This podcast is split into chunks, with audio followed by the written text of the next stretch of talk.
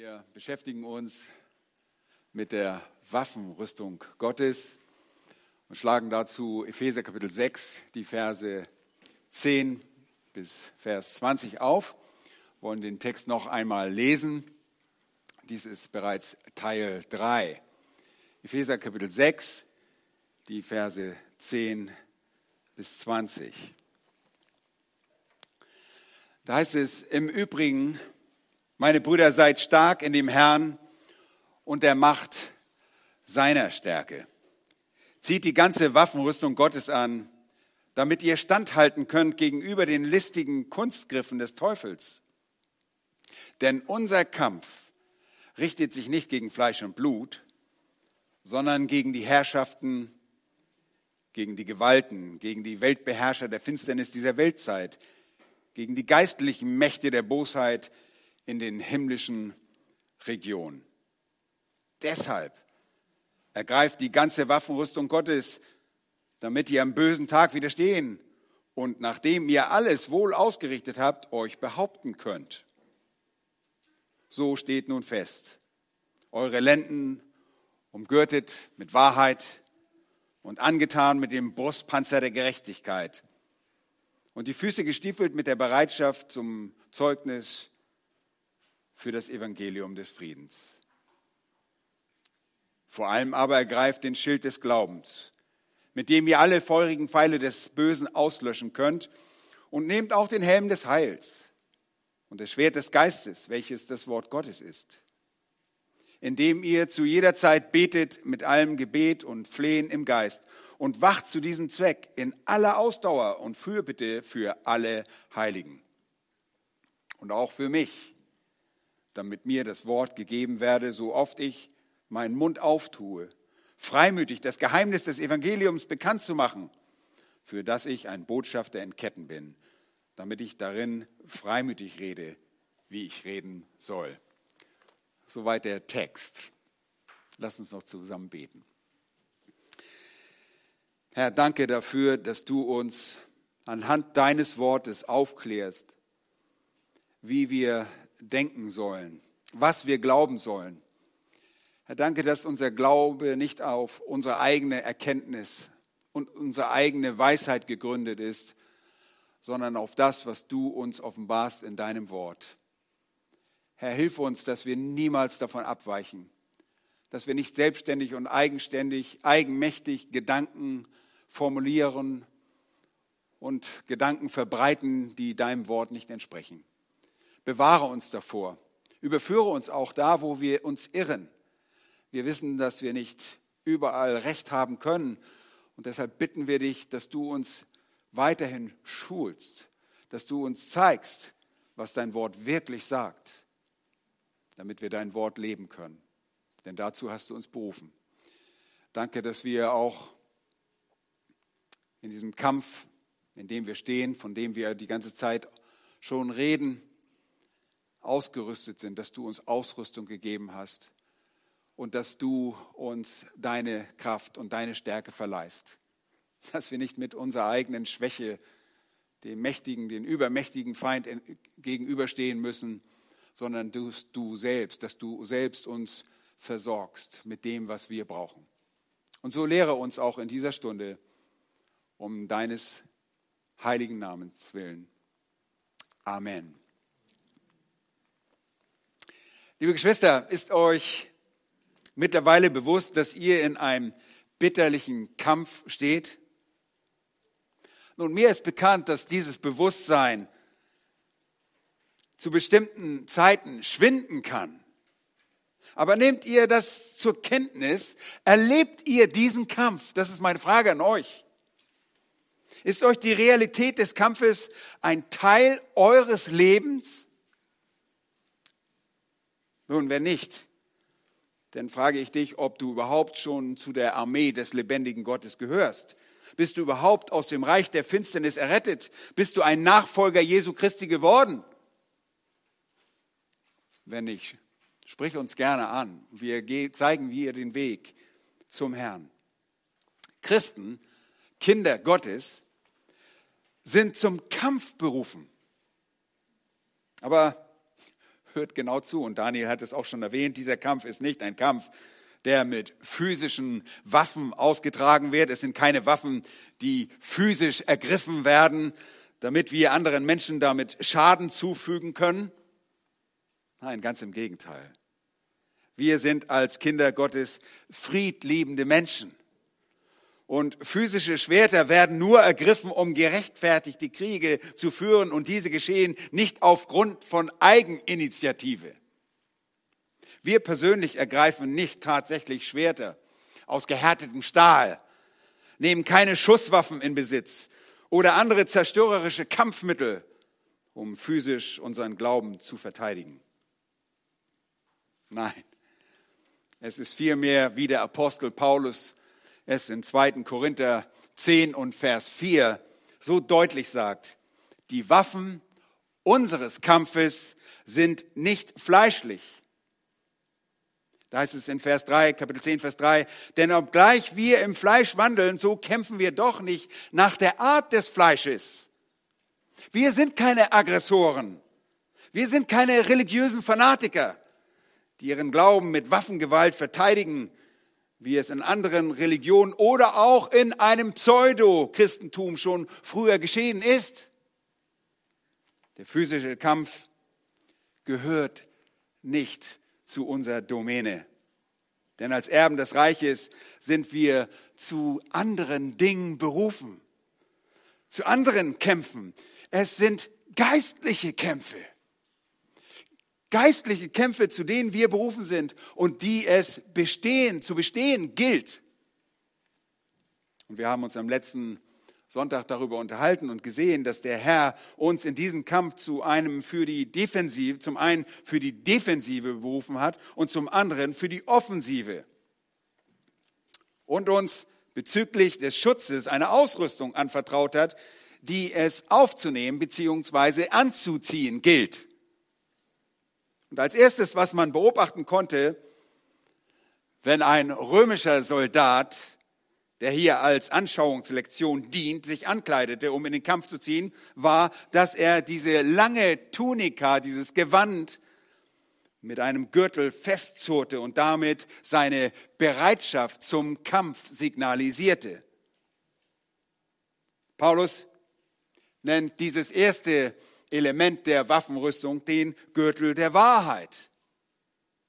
Dieser Gürtel oder diese Schärpe zeigt, dass wir mit Bereitschaft in den Kampf ziehen, dass wir nicht unvorbereitet sind, sondern dass wir willig und vorbereitet in diesen Kampf ziehen, zu dem wir als Kinder Gottes berufen sind. Der Kampf, in dem wir stehen, ist ein Kampf gegen die dämonische Welt, gegen Satan und seine Diener, ein Weltsystem. Und dazu noch kommt die eigene Schwäche unseres eigenen Fleisches. Und das macht es erforderlich, dass wir mit ganzer Hingabe kämpfen, dass wir mit unumstößlicher Bereitschaft in den Kampf ziehen, dass wir diese besitzen und für die Wahrheit in den Kampf ziehen. Wir sind dazu berufen, diese Wahrheit zu verteidigen und zu verkündigen, zu verkünden. Und zwar in der Intensität eines Soldaten, mit der Intensität, wie ein Soldat kämpfen würde. Und wir sind in erster Linie dazu berufen, uns zu schützen und dazu brauchen wir Entschlossenheit. Eine Entschlossenheit ist so wichtig. Anstatt ein Vorsicht daher dümpeln, so will ich das mal sagen als Norddeutscher, ich weiß nicht, ob das überhaupt ein Wort ist hier, aber einfach so dahin trotteln und einfach so daherlaufen und mir nichts, dir nichts, keine Gedanken sich zu machen. Nein, wir müssen entschlossen sein, in den Kampf zu ziehen. Und du musst mit ganzer Hingabe kämpfen, sonst erlebst du eine Niederlage nach der anderen. Und hier liegt tatsächlich ein riesiges Problem, auch in christlichen Kreisen. Die Bereitschaft zum Dienen um des Evangeliums willen ist bei vielen Kindern Gottes auf ein absolutes Minimum beschränkt. Bequemlichkeiten und Angst haben sich breit gemacht. Oh ja, ja, ich gehe ja dahin und ich bin ja dabei und man muss ja nicht gleich was übernehmen, man muss ja nicht gleich was machen. Wir brauchen einander. Kinder Gottes brauchen einander und wir brauchen deine Hingabe. Das hat Gott so vorgesehen. Die Bereitschaft zum Dienen, um des Evangeliums willen, ist erforderlich. Bequemlichkeiten sind fehl am Platz. Nun, wie heißt es in dem Lied, das wir gesungen haben oder das wir so gerne manchmal singen? Da heißt es, dass dein Wort in meinem Herzen, in meinem Herzen starke Wurzeln schlägt. Und in der zweiten Strophe singen wir, Zitat, erst komm ich und dann komm ich, pausenlos geht es um mich. Was mich aus dem Strudel reißt, Herr, dein Geist, ist dein Geist. Zitat Ende. Ihr Lieben, dieser Kampf erfordert die Kraft und die, das Wirken des Geistes Gottes, der dann zum Wirken kommt, wenn du bereitwillig dich dem Herrn im Dienst ergibst.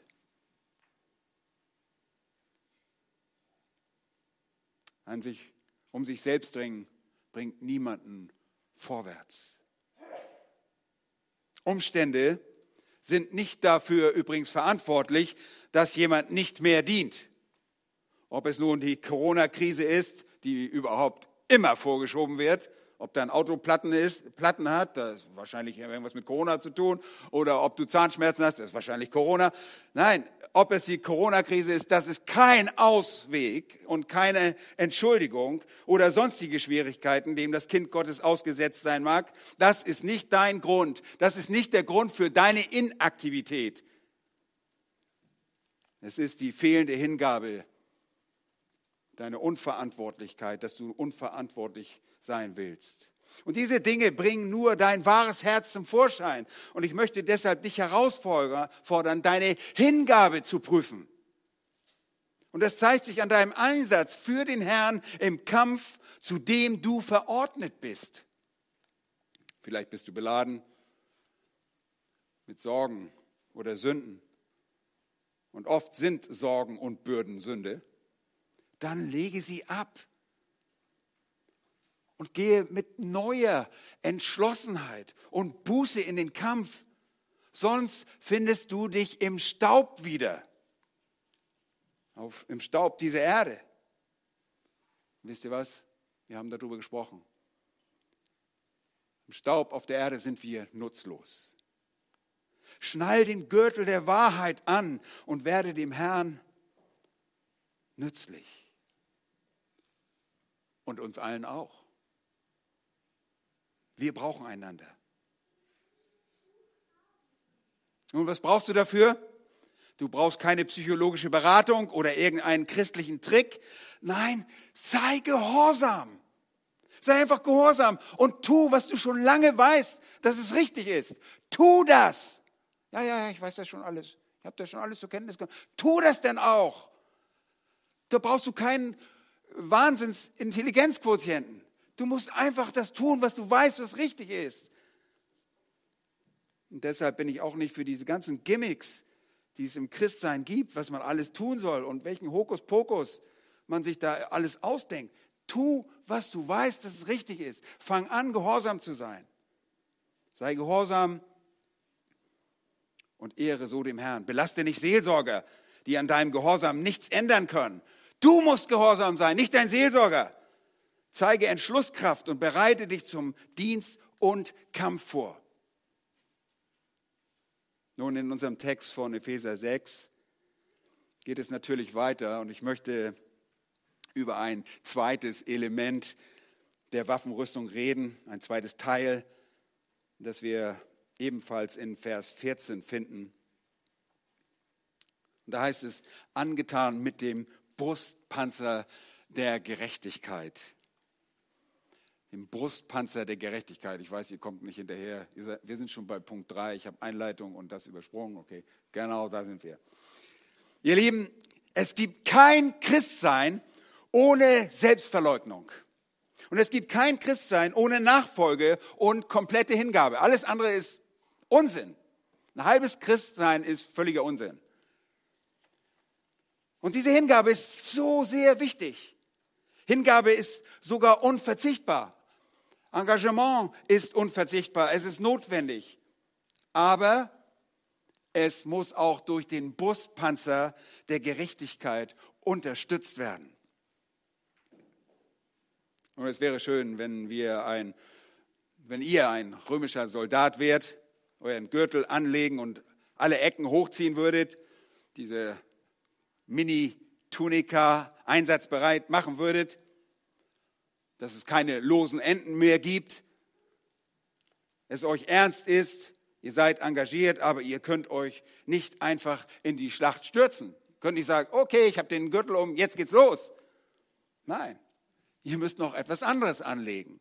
Und da kommen noch ein paar andere Teile. Aber der, das Element, das jetzt kommt, ist dieser Brustpanzer. Und es ist wirklich schwer, die relative Bedeutung der verschiedenen Teile der Waffenrüstung zu unterscheiden. Und deshalb wollen wir das auch gar nicht erst versuchen und auch keinen Vergleich zu anderen Teilen der Rüstung vornehmen, um ihre Wertigkeit zu beurteilen. Wir sehen in diesen Elementen und der Auflistung vielleicht einfach nur die Reihenfolge, in der ein Soldat sie anlegen würde. Aber auch das ist ein bisschen fragwürdig und ist nicht notwendigerweise die richtige Reihenfolge, denn es wäre mir wäre sich schwer vorzustellen, wenn man erst den Brustpanzer anzieht und dann sich die Sandalen an die Füße ziehen möchte. Vielleicht kommen die Sandalen zuerst. Ich glaube eher, dass man als Soldat die Sandalen angezogen hätte, nachdem man die Tunika einsatzbereit gemacht hätte oder vielleicht sogar davor. Hier geht es nicht um Prioritäten oder Abfolgen. Alle Teile sind unverzichtbar und gleichermaßen notwendig. Aber es gibt etwas bei dem Brustpanzer, der Brustpanzer der Gerechtigkeit, das sehr wichtig ist. Denn der Brustpanzer schützt vor den verletzlichsten Teil des Körpers eines Soldaten.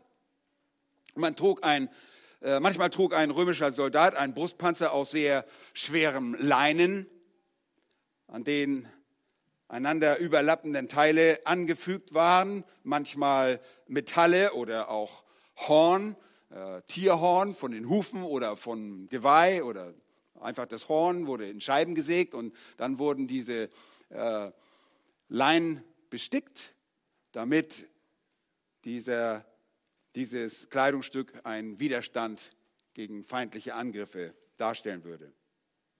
Meistens allerdings wurde der Brustpanzer und offensichtlich aus Metall gemacht, manchmal aus gewebten Kettenmetall, was äh, allerdings sehr, sehr schwer war. Und manchmal wurde gewebtes Kettenmetall durch Metallringe miteinander verbunden und manchmal einfach nur ein dünn gehämmertes Metallblech. Wir wissen nicht wirklich, welche Art von Mann sich hinter dem großen gegossenen römischen Brustpanzer aus Metall befindet. Kein römischer Soldat hätte je in Erwägung gezogen, in die Schlacht zu ziehen, ohne sich diesen Brustpanzer angelegt zu haben. Denn, wie ich sagte, er schützt alle lebenswichtige Organe. Ein Schuss in den Oberschenkel, wenn auch unangenehm, lässt sich verkraften. Ein Schuss in den Arm oder in die Schulter auch das ließ sich verkraften. Aber wenn ihr hier am Thorax, am Oberkörper angeschossen werdet, ist das wirklich ernst. Deshalb schützt auch eure lebenswichtigen Organe.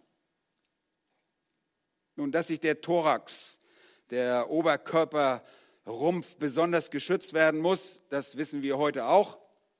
Das sehen wir sogar heute bei Soldaten und Polizisten. Ich weiß nicht, ob ihr im Wachschutz äh, auch noch äh, Westen tragt, Schutzwesten, weil Polizisten und Soldaten einer möglichen Konfrontation ausgesetzt sind. Sie tragen heute schusssichere Westen, die selbst in einem Kugelhagel Sicherheit bieten.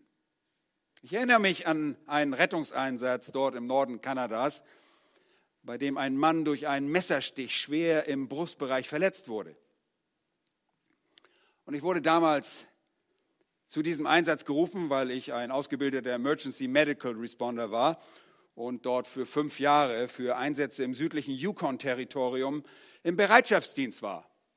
Und dieser Mann wäre vor 2000 Jahren an den Verletzungen seiner Stichwunde, die ihm durch ein 30 Zentimeter langes Küchenmesser, das ihn in den Brustbereich oder Bauchbereich gestoßen wurde und bis zur Lunge reichte, er wäre mit Sicherheit gestorben. Selbst unser Team damals, wir waren hilflos. Wir konnten diesen Mann nur mit Hilfe eines eingeflogenen Arztes aus der Hauptstadt des Territoriums retten, denn am Ort selbst hatten wir keine Ärzte. Nun, wenn es zu einer Verletzung in der Herzspalte kommt, spricht man auch von einem Pneumothorax und äh, bei der der so wichtige Unterdruck darin durch die Penetration eines Objektes verloren gehen kann und das führt zum Zerfall, zum, zum Einfall der Lunge, was dann letztlich tödlich endet. Der Brustpanzer schützt vor solcherlei Verletzungen. Der Brustpanzer war also für einen Soldaten von allergrößter Bedeutung. Aber was ist das für ein Brustpanzer, der hier erwähnt wird und der so anschaulich von Paulus zur Lektion verwendet wird? Dieser Brustpanzer ist, schaut in den Text, Gerechtigkeit. Welche Gerechtigkeit? Nun, das ist einfach relativ einfach zu beantworten, denn es gibt nur Gottes Gerechtigkeit. Es gibt nur eine Gerechtigkeit. Und wenn sie uns kennzeichnet, dann nur deshalb, weil wir gerecht geworden sind und vom Herrn selbst gerecht gesprochen worden sind. Diese Gerechtigkeit ist es, sie uns von den, die uns von den Pfeilen und den Speeren, den äh, den Schwertern und vernichtenden Schlägen der Hämmer, die im Kampf geschwungen wurden, schützt. Gerechtigkeit schützt unsere lebenswichtigen Bereiche. Aber Moment, wie geht das vor sich? Lasst uns vorsichtig untersuchen, worüber wir reden und über was für eine Art von Gerechtigkeit wir reden. Um welche Art von Gerechtigkeit geht es hier? Nun nochmals, es gibt nur eine Art von Gerechtigkeit, denn Gerechtigkeit ist Gerechtigkeit. Und die einzige Gerechtigkeit, die uns beschützen wird, ist wahre Gerechtigkeit. Und die einzig wahre Gerechtigkeit gehört wem? Zum Herrn Jesus Christus. Reden wir nun von dieser zugerechteten Gerechtigkeit im Sinne der Rechtfertigung, wie wir das gelernt haben im Römerbrief, äh, zum Beispiel im Kapitel 5 reden wir über die Gerechtigkeit, die uns durch unseren Glauben in Christus zugerechnet wird, über die Paulus auch in Philippa 3 spricht, wenn er sagt, er habe Gerechtigkeit gefunden, aber nicht seine eigene, sondern die Gerechtigkeit aus Gott, die ihm aufgrund des Glaubens in Christus zuteil wird. Sprechen wir darüber? Reden wir über jene forensische Gerechtigkeit, durch die wir vor Gott für gerecht und rechtschaffen befunden werden? Ist es wirklich, dass wir darüber sprechen? Reden wir wieder über zugerechnete Gerechtigkeit? Die, unsere gesamte Gerechtigkeit, die wir, die wie ein beflecktes Kleid ist, bedeckt. Erinnert euch an Jesaja 64, Vers 5. Da wird es gesagt, unsere, ganze Gerecht, unsere eigene Gerechtigkeit ist nur wie dreckige Lumpen. Ihr Lieben, nein. Das kann hier nicht die zugerechnete Gerechtigkeit Gottes sein. Es ist nicht das Augenmerk des Apostels. Das ist nicht seine Absicht. Sonst könnten wir ja diese Gerechtigkeit nicht mehr anlegen, oder? Nein, warum? Weil wir die uns zugerechnete Gerechtigkeit Gottes bereits anhaben. Gott hat sie uns bereits angelegt. Wir sie besitzen sie bereits. Wir haben eine Gerechtigkeit. Durch den Glauben und aus Gnade allein haben wir eine Gerechtigkeit, die Bestand hat. Und die brauchen wir nicht wieder anlegen.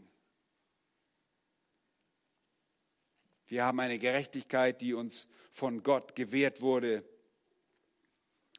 und uns tadellos über die Verdammnis hinaus macht. Und diese Gerechtigkeit ist von Christus. Wie ich sagte, durch Glauben und Gnade wird diese Art der Gerechtigkeit, unsere Gerechtigkeit, sie ist ein Geschenk Gottes. Und der Text einer Hymne von Graf Zinsendorf beschreibt das sehr deutlich. Zitat Beginn. Christi Blut und Gerechtigkeit, das ist mein Schmuck und Ehrenkleid. Damit will ich vor Gott bestehen, wenn ich zum Himmel werd eingehen. Und er schrieb weiter, ich glaub an Jesum, welcher spricht, wer glaubt, der kommt nicht ins Gericht. Gottlob, ich bin schon frei gemacht und meine Schuld ist weggebracht. Du Ehrenkönig Jesu Christ, des Vaters, einziger Sohn du bist. Erbarme dich der ganzen Welt und segne, was sich zu dir hält. Zitat Ende. Ja, diese Art der Gerechtigkeit haben wir schon. Wir besitzen diese uns zugerechnete Gerechtigkeit, die uns ein für alle Mal, preis den Herrn, zugeschrieben wurde. Aber ihr Lieben, darum geht es in unserem Text heute nicht.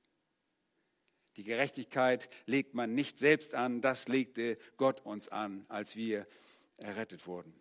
Und dennoch haben Theologen immer wieder über zugerechnete Gerechtigkeit oder verliehene Gerechtigkeit an dieser Stelle in diesem Zusammenhang gesprochen.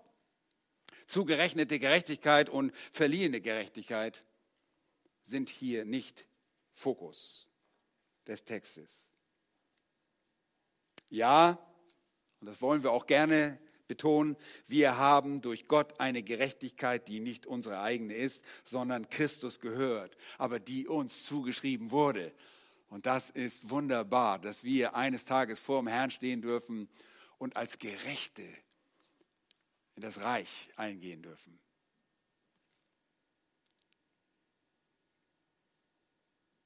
Nun, hier geht es weiter als das. Diese uns zugerechnete Gerechtigkeit bringt eine Verantwortung mit uns, die uns auffordert, gerecht zu leben. Wir werden in der Schrift aufgefordert, unsere Berufung gemäß gerecht zu leben. Und das ist die Aufmerksamkeit des Paulus. Und so schreibt Paulus in einem weiteren Gefängnisbrief in Philippa 2, Vers 12, Darum, meine Geliebten, wie ihr alle Zeit gehorsam gewesen seid, nicht allein in meiner Gegenwart, sondern jetzt noch viel mehr in meiner Abwesenheit, verwirklicht eure Rettung mit Furcht und Zittern, denn Gott ist es, der in euch sowohl das Wollen als auch das Vollbringen wirkt nach seinem Wohlgefallen. Gott hat uns eine verliehene Gerechtigkeit gegeben und mit dieser verliehenen Gerechtigkeit zum Zeitpunkt unserer Errettung hat er uns auch den Heiligen Geist gegeben und uns damit zu neuen Kreaturen gemacht. Er gab uns ein neues Leben in der neuen Schöpfung unserer Sinnung, Sinne und wurden somit neue Geschöpfe. Und jetzt sind wir sowohl fähig als auch verantwortlich dafür. Merkt euch das, wir sind fähig und verantwortlich dafür, die Gerechtigkeit umzusetzen, ein gerechtes Leben zu führen. Aber wir können nicht sagen, oh ja, er hat mich gerettet, jetzt habe ich mein Ticket in den Himmel, jetzt kann ich leben, wie ich will. Nein, das wollen wir ja gar nicht als Kinder Gottes. Kinder Gottes wollen ihrem Herrn gefallen durch ein gerechtes Leben. Und genau darum geht es hier in diesem Text. Er sagt, wenn ihr erwartet, in den Kampf zu ziehen, dann müsst ihr zunächst bereit sein, dann müsst ihr engagiert sein, dann müsst ihr euch dafür einsetzen, ergeben sein und verstehen, dass ihr auch Soldaten seid. Und zurt die losen Enden fest, aber schlagt diesen Weg nicht ein, wenn ihr nicht bereit seid, euren Lebenswandel Gott anzubefehlen und im Gehorsam ihm folgen wollt. Und das ist das Fazit. Und ich sage es mit einem einzigen Satz. Und das reicht euch für Freitag, wenn wir darüber sprechen. Merkt euch diesen Satz. Eine heilige Lebenswandel, ein heiliger Lebenswandel ist der Brustpanzer der Gerechtigkeit. Du lebst ein gerechtes Leben und das macht dich unangreifbar. Lass mich das ein bisschen verdeutlichen. wie wir das gut verstehen können. Wenn es eine Schwachstelle in unserer Waffenrüstung gibt, einen schwachen Punkt, dann sind das Sünden, dann ist es Ungehorsam, eine falsche Einstellung. Wenn es nicht bekannte, nicht gebüßte Sünden gibt, dann sind wir verletzlich. Wenn wir mit Gedanken an Sünden in unserem Leben spielen und dennoch aggressiv werden und wir in eine geistliche Auseinandersetzung geraten und zum Angriff übergehen, um Seelen aus dem Reich der Finsternis zu retten, und wir einige Probleme in unserem Leben haben, derer wir uns noch nicht angenommen haben, dann glaubt mir, dann ziehen wir quasi ohne den Brustpanzer der Gerechtigkeit in den Kampf. Deshalb ist es so wichtig, ein heiliges, gerechtes Leben zu führen. Nun, das ist das, was damals meinen Mitschülern, von denen ich euch in der letzten Predigt erzählt habe, das ist meinen Mitschülern nach der Bibelschule passiert, als sie abwanderten vom Glauben und in komische Kreise kamen und einfach nicht die Dinge geordnet hatten. Und das ist uns sicherlich zu einem gewissen Grad allen schon passiert, dass wir ohne eine Waffenrüstung, ohne einen Brustpanzer in den Kampf gingen. Und wir, einige von uns sind, äh, und ich schließe mich da gerne mit ein, wir sind schon angeschossen worden, weil wir nicht aufgepasst haben. Und die Frage ist nicht, ob wir sündig sind oder nicht. Wir sind, wir sind Sünder, das wissen wir. Aber die Frage ist, wie gehst du mit deiner Sünde um? Tolerierst du sie und pflegst du sie und, und hast du sie weiter in deinem Leben oder räumst du sie auf, aus deinem Leben heraus und tust Buße und kehrst um? Das ist die Frage. Wenn wir in Sünde leben, sind wir schutzlos. Dann sind wir für alle Angriffe des Feindes offen. Die Frage ist nicht, ob wir sündig sind, sondern die Frage ist, wie gehst du mit der Sünde um? Und ihr, war, ihr wisst, ich hatte einen weiteren sehr guten Freund, den ich auch bis heute noch schmerzhaft vermisse, der viele wunderbare Begabungen besaß, der sogar eine theologische Ausbildung absolvierte und auch in die Mission wollte, mit dem ich auch schon Seite an Seite gekämpft hatte, der aber durch Unachtsamkeit in seinem Glaubensleben eine große Niederlage in seiner Ehe erlitt.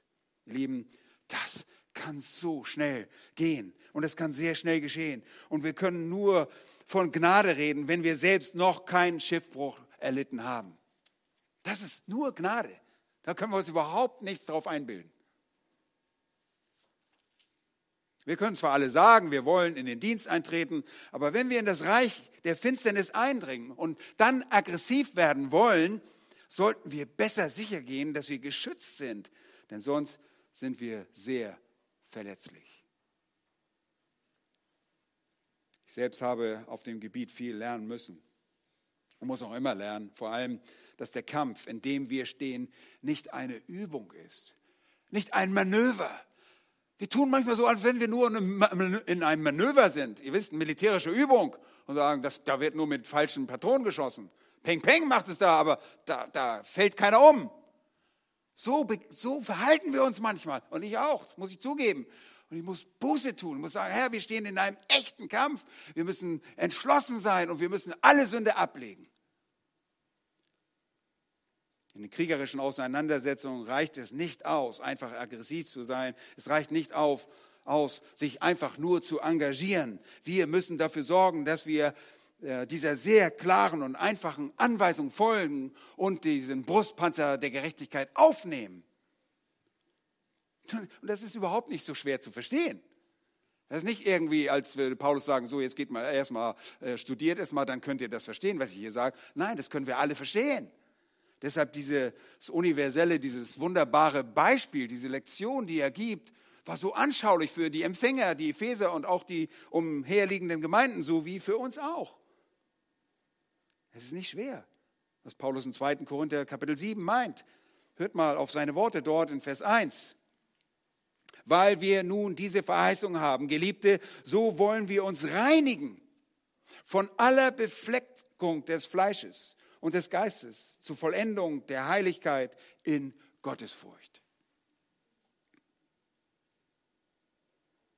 Es ist wichtig für uns.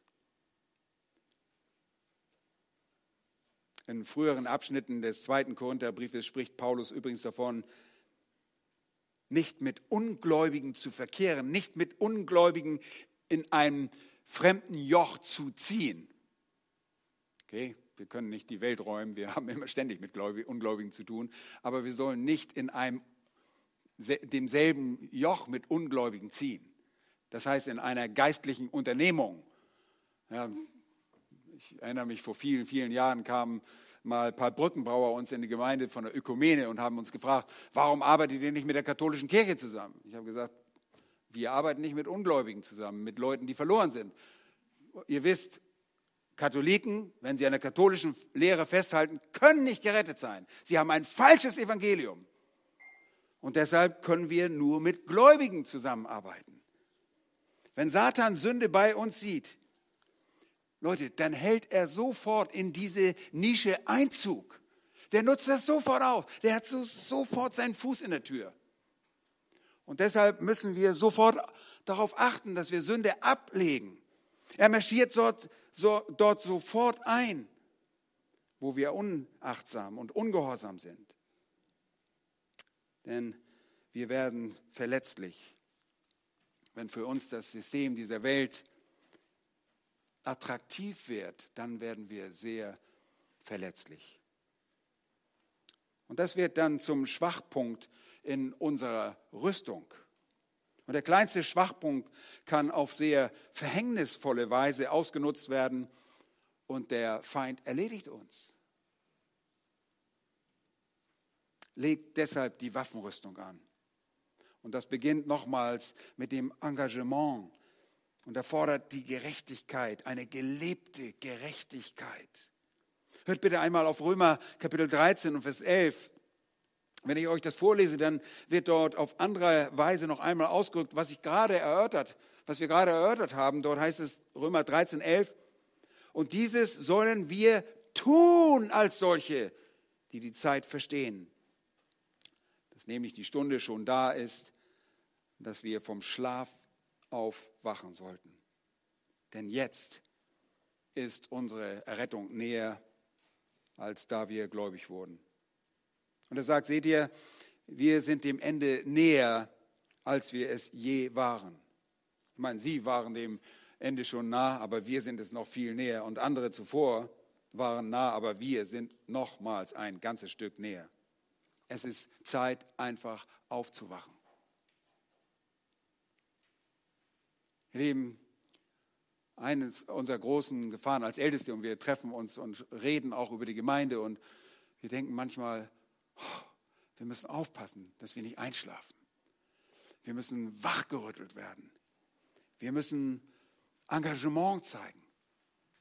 Und gerade in einer Generation, ähm, die jetzt heranwächst, die nicht mehr die Anfänger dieser Gemeinde kennen, die Gemeindegründungsarbeit, werden Dinge zu einer Routine und oh, das läuft alles von selbst. Wir brauchen euch.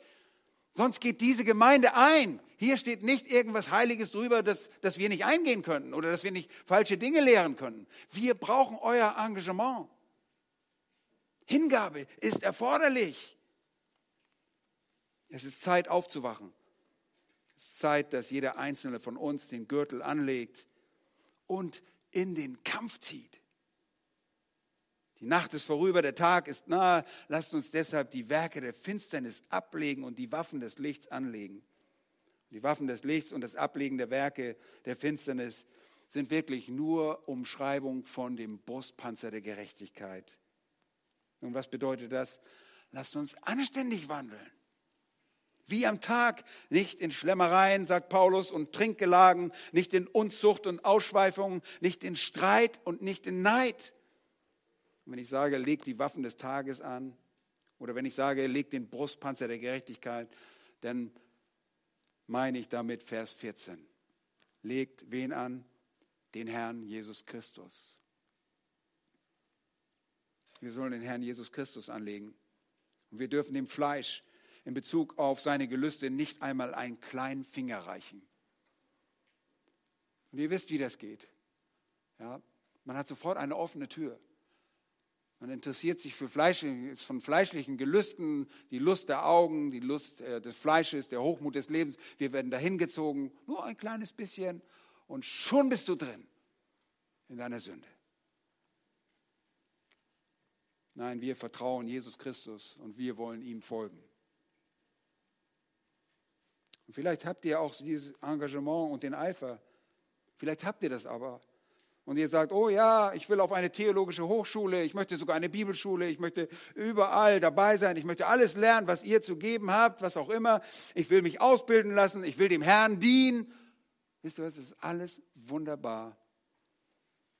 Aber all das nützt nichts, wenn der persönliche Brustpanzer dabei nicht getragen wird.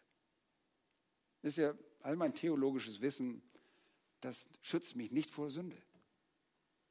Absolut nicht. Das ist nur Wissen. Ich muss mich entscheiden dazu. Und ich muss diesen Panzer anziehen. Ich muss sagen, ich werde gehorsam sein. Punkt aus. Und es ist erstaunlich, wie schwer es ist, diesen Teil der Rüstung beständig anzubehalten. Der fällt so leicht runter. Plumps liegt er auf dem Boden. Und dann müssen wir ihn wieder neu ansetzen und anziehen, damit wir geschützt sind. Wir gehen durch das Leben und wir heben den Brustpanzer auf und versuchen, ihn vor dem nächsten Angriff wieder anzulegen. Tut das, bitte tut das. Legt ihn an, legt ihn immer wieder an. Und wenn er euch abhanden gekommen ist, dann müsst ihr Buße tun. Buße und neu euch entschließen, dem Herrn zu folgen, dass ihr ein heiliges Leben führt. Und das ist im Wesentlichen das, was es bedeutet, zieht den Herrn Jesus an. Denn er ist das perfekte Vorbild für Gerechtigkeit. Ihm wollen wir nacheifern. Und vielleicht hast du schon lange nicht mehr den Herrn Jesus Christus gelebt. Manchmal sind es ganze Gemeinden, die sich vom Wort Gottes entfernt haben. Und du bist ein Teil einer solchen Versammlung und ihr lebt zusammen im Ungehorsam. Dann gelten dir, dann gilt euch genau dieses Wort. Und die Worte aus dem Lied, das wir ganz zu Anfang gesungen haben in der Gemeinde, Gemeinde, wache auf. Zieh deine Rüstung an, damit dein Glaubenslauf von Christus zeugen kann. Seht ihr, was dieser Text sagt? Es geht um den Wandel. Und wenn du im Gehorsam wandelst, dann schützt du dich, dann kannst du nicht angegriffen werden. Dann wirst du nicht verletzt. Ja, es wird nicht leicht sein. Ein Soldat hat es nie leicht im Kampf, aber du bist geschützt, weil es Gottes Waffenrüstung ist. Und ein wesentliches Element in seiner Rüstung ist dieser Brustpanzer. Und deshalb mein Gebet für uns ist, dass wir das begreifen. Dass wir nicht denken, dass wir in einem Manöver sind. Wir stehen in einem tatsächlichen Krieg. Nächstes Mal werden wir darüber reden, wie unsere Füße vorbereitet werden. Und wir freuen uns, dass der Herr uns diese wunderbare Ausrüstung gibt. Lasst uns beten. Herr, wir sind dir von Herzen dankbar, dass du so gnädig bist, dass wir ausgerüstet worden sind zu einem Leben, das dir gefällt. Du hast alles getan. Herr, wir wissen, dass alles, alle Fehler, alle Schuld nur bei uns zu finden ist. Und deshalb wollen wir von dir lernen und bitten dich, hilf du uns, dass wir gehorsam sind. Du kennst unser träges Fleisch. Das Fleisch, das am liebsten den einfachsten, den bequemsten Weg gehen, niemals die extra Meile, hilft, dass wir genau das Gegenteil tun. Hilft, dass wir bereit sind, den anderen höher zu achten, dass wir bereit sind, uns selbst zu verleugnen, um dir zu gefallen. Genau das hast du getan, Herr Jesus Christus. Du, der Gerechte, der von keiner Sünde wusste, bist für uns zur Gerechtigkeit geworden hast dich ans Kreuz nageln lassen. Herr, wir wissen, das hat sich nicht gut angefühlt. Du bist nicht ans Kreuz gegangen, weil du dort besonders tolle Gefühle hattest, sondern um der vor dir liegenden Freude willen hast du das Kreuz erduldet und die Schande erduldet, dass deine eigene Schöpfung dich ans Kreuz genagelt hat. Danke dafür, dass du uns das so wunderbar vorgelegt hast, lebt hast. Und deshalb wollen wir auch auf dich sehen, der du der Anfänger und Vollender des Glaubens bist. Wir wollen auf dich sehen, damit wir nicht matt werden und unserem Glauben den Mut verlieren. Danke dafür, dass du uns befähigst, ein Leben im Gehorsam zu führen. Ein Leben der Gerechtigkeit. Herr, dafür bist du gestorben. Das war dein Anliegen. Dafür wollen wir dir von Herzen danken. Amen.